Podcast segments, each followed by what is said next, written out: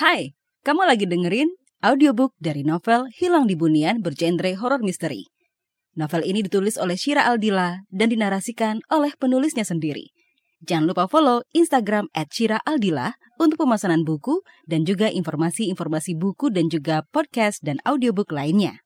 Selamat mendengarkan. Chapter 8 Perjalanan dari Laguna menuju pantai menguras tenaga mereka. Kelimanya serentak merebahkan tubuh ke pasir. Menatap dengan bebas langit jingga di atas mereka. Warna petang menghitamkan setiap benda yang menggantung di langit. Gerombolan camar terlihat seperti bayangan hitam yang terbang. Derry mengalihkan pandang, menatap Mira yang meringkuk. Wajahnya yang sedari tadi sumringah, kini berubah kuyu dan biru. Melihat kondisi Mira, Derry meminta Aji untuk bergegas mencari kayu bakar api unggun akan menghangatkan tubuh mereka yang berbalut pakaian basah. Kawanda sama Aji cari kayu bakar buat api unggun.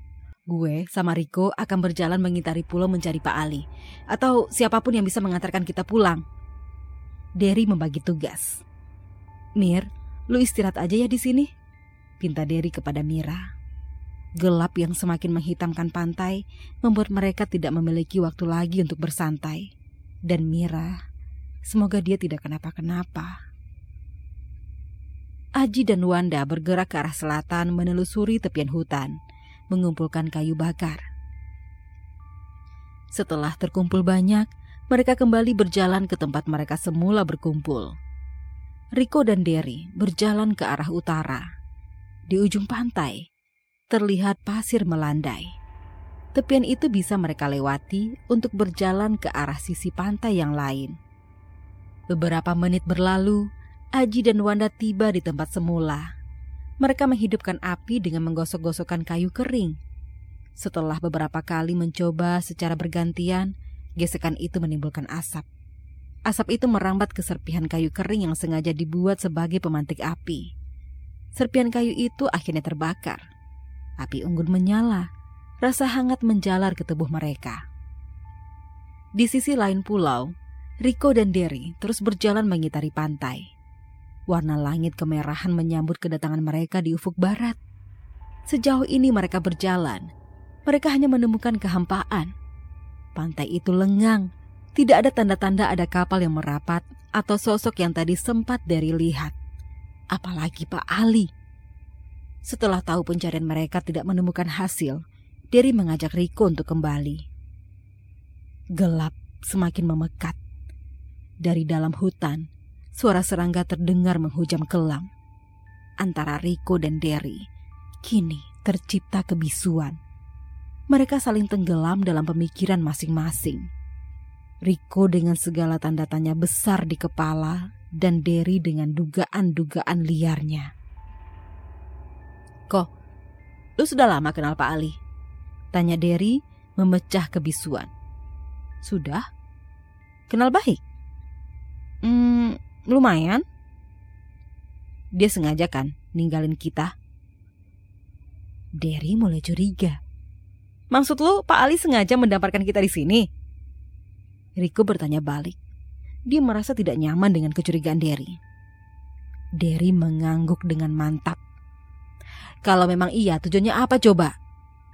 Riko mengenyitkan dahi. Tak percaya dengan tuduhan Derry. Mencuri barang-barang kita mungkin? Jangan salah sangka dulu, Der. Balas Riko masih tenang. Gak boleh salah sangka kata lu. Ini udah keterlaluan kok. Positif thinking aja. Bentar lagi juga bakal balik nganterin barang-barang kita. Riko membalas kecurigaan Derry dengan enteng. Barang-barang kita tuh sudah dirampok kali kok. Derry berucap dengan sewot. So uzon lu ah, gak mungkin si bapak itu tega. Jangan berpikiran macam-macam lu. Ntar anak-anak khawatir lagi. Naif lu kok. Derry semakin sewot. Riko diam saja, tidak berminat membalas ucapan Derry. Wajar saja Derry berpikiran macam-macam, karena memang kenyataannya si bapak itu nggak ada kabar. Ingin rasanya mereka berdebat, namun rasanya itu akan menguras energi dan tidak memecahkan masalah mereka. Mereka berjalan menuju api unggun.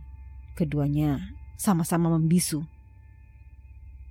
sekarang kita harus gimana? Udah gelap gini. Dari mendengus menatap api unggun. Gak ada apa-apa ya di sana? Tanya Wanda. Riko dan Derry serentak menggeleng. Tega bener si bapak itu ninggalin kita. Mana makanan dan peralatan tenda kita dibawanya lagi. Wanda menggerutu.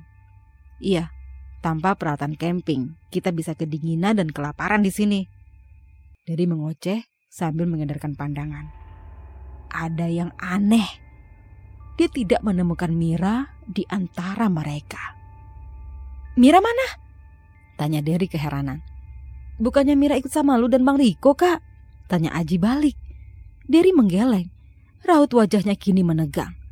Waktu gue sama Aji kembali dari mencari kayu, Mira udah gak ada di sini kok. Kirain ikut sama kalian. Timpal Wanda. Derry dan Riko saling pandang. Enggak kok. Kan tadi dia disuruh tunggu di sini aja, kata Riko. Ah, positif thinking aja lah, mungkin dia lagi kebelet. Ucap Aji menenangkan. Derry dan Wanda saling pandang-pandangan. Keduanya sama-sama mengangkat bahu. Sama-sama bingung. Mereka paling paham akan karakter Mira yang penakut untuk pergi buang air sendirian. Rasanya tidak mungkin. Kita tunggu aja. Kalau aja lagi nongkrong di sana. Aji menunjuk batu karang di depan mereka. Tak ada pilihan selain menunggu. Semoga saja Mira benar-benar sedang berada di balik batu karang itu. Sambil menunggu, mereka diserang kebisuan. Mereka bungkam seribu bahasa, larut dalam pikiran masing-masing. Suasana mendadak senyap. Yang terdengar hanya suara deru ombak dan bunyi gemeretak dari kayu yang terbakar. Diselingi suara perut yang tersiksa oleh lapar. 15 menit berlalu. Hening. 30 menit pun berlalu. 30 menit yang terasa lama dan menyiksa. Wanda memegang tengkuknya. Tubuhnya bergidik. Wajahnya meringis menahan ngeri. Bulu-bulu halus di tubuhnya tiba-tiba berdiri. Guys, perasaan gue gak enak. Gue gak yakin Mira pergi buang air. Masa lama banget sih? Dia kan penakut pergi sendirian. Jangan-jangan dia... Wanda tidak melanjutkan kalimatnya dia sudah merasa ngeri dengan apa yang kini melintas di kepalanya. Kita cari Mira yuk, gue takut dia kenapa-kenapa, kata Derry. Mereka berempat setuju. Kira-kira masuk akal gak sih kalau Mira ngilang gitu aja? Tanya Wanda. Enggak sih, tapi kita harus gimana? Anak itu jatuh mungkin, atau apa gitu? Kita cari di sekitaran sini saja dulu yuk. Derry tampak bingung dengan kehilangan Mira yang secara tiba-tiba. Aneh memang, Sial banget kita. Pak Ali pergi entah ke mana, membawa semua barang bawaan kita. HP, kamera, uang, dan barang berharga lainnya.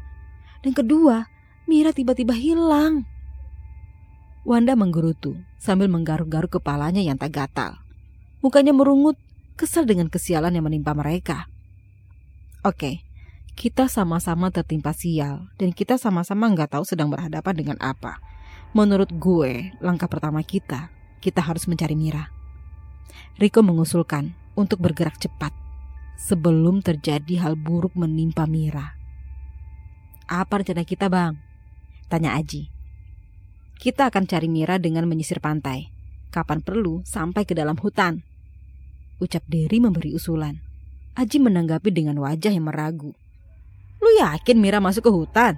Tanya Aji. Mustahil juga sih, tapi kalau sepanjang pantai tidak kita temukan, bisa jadi kita masuk ke hutan. Jawab Derry. Kita kan gak kenal hutan ini kah? Kata Aji. Kita pasti bisa. Kau sudah sering keluar masuk hutan. Kita hanya memerlukan penerangan. Ucap Derry meyakinkan. Semangat Wanda terpancing.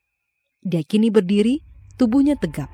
Dadanya membusung, menunjukkan sikap kesatria yang mungkin sudah berpuluh-puluh tahun terpendam di jiwa Wanda. Cus, kita temukan Mira ucapnya garang sambil mengacungkan kayu bakar ke depan kemudian mengangkatnya tinggi ke udara. Jika bukan sedang terjebak di dalam kondisi serius seperti ini, sudah pasti apa yang dilakukan Wanda barusan akan membuat mereka tertawa terpingkal-pingkal. Namun kali ini berbeda. Mereka akan bergelut dalam petualangan yang belum pernah mereka alami sebelumnya. Ada pantai asing yang akan mereka telusuri dan ada hutan kelam yang akan mereka jelajahi untuk mencari keberadaan Mira yang menghilang secara tiba-tiba. Aji dan Riko melakukan hal yang sama dengan apa yang dilakukan Wanda. Mereka mengambil sebilah kayu dengan api menyala di ujungnya. Kayu bakar itu akan mereka gunakan sebagai sumber penerangan. Setelah menyisir keseluruhan isi pantai, mereka tidak menemukan keberadaan Mira. Terpaksa, langkah selanjutnya adalah memberanikan diri masuk ke hutan.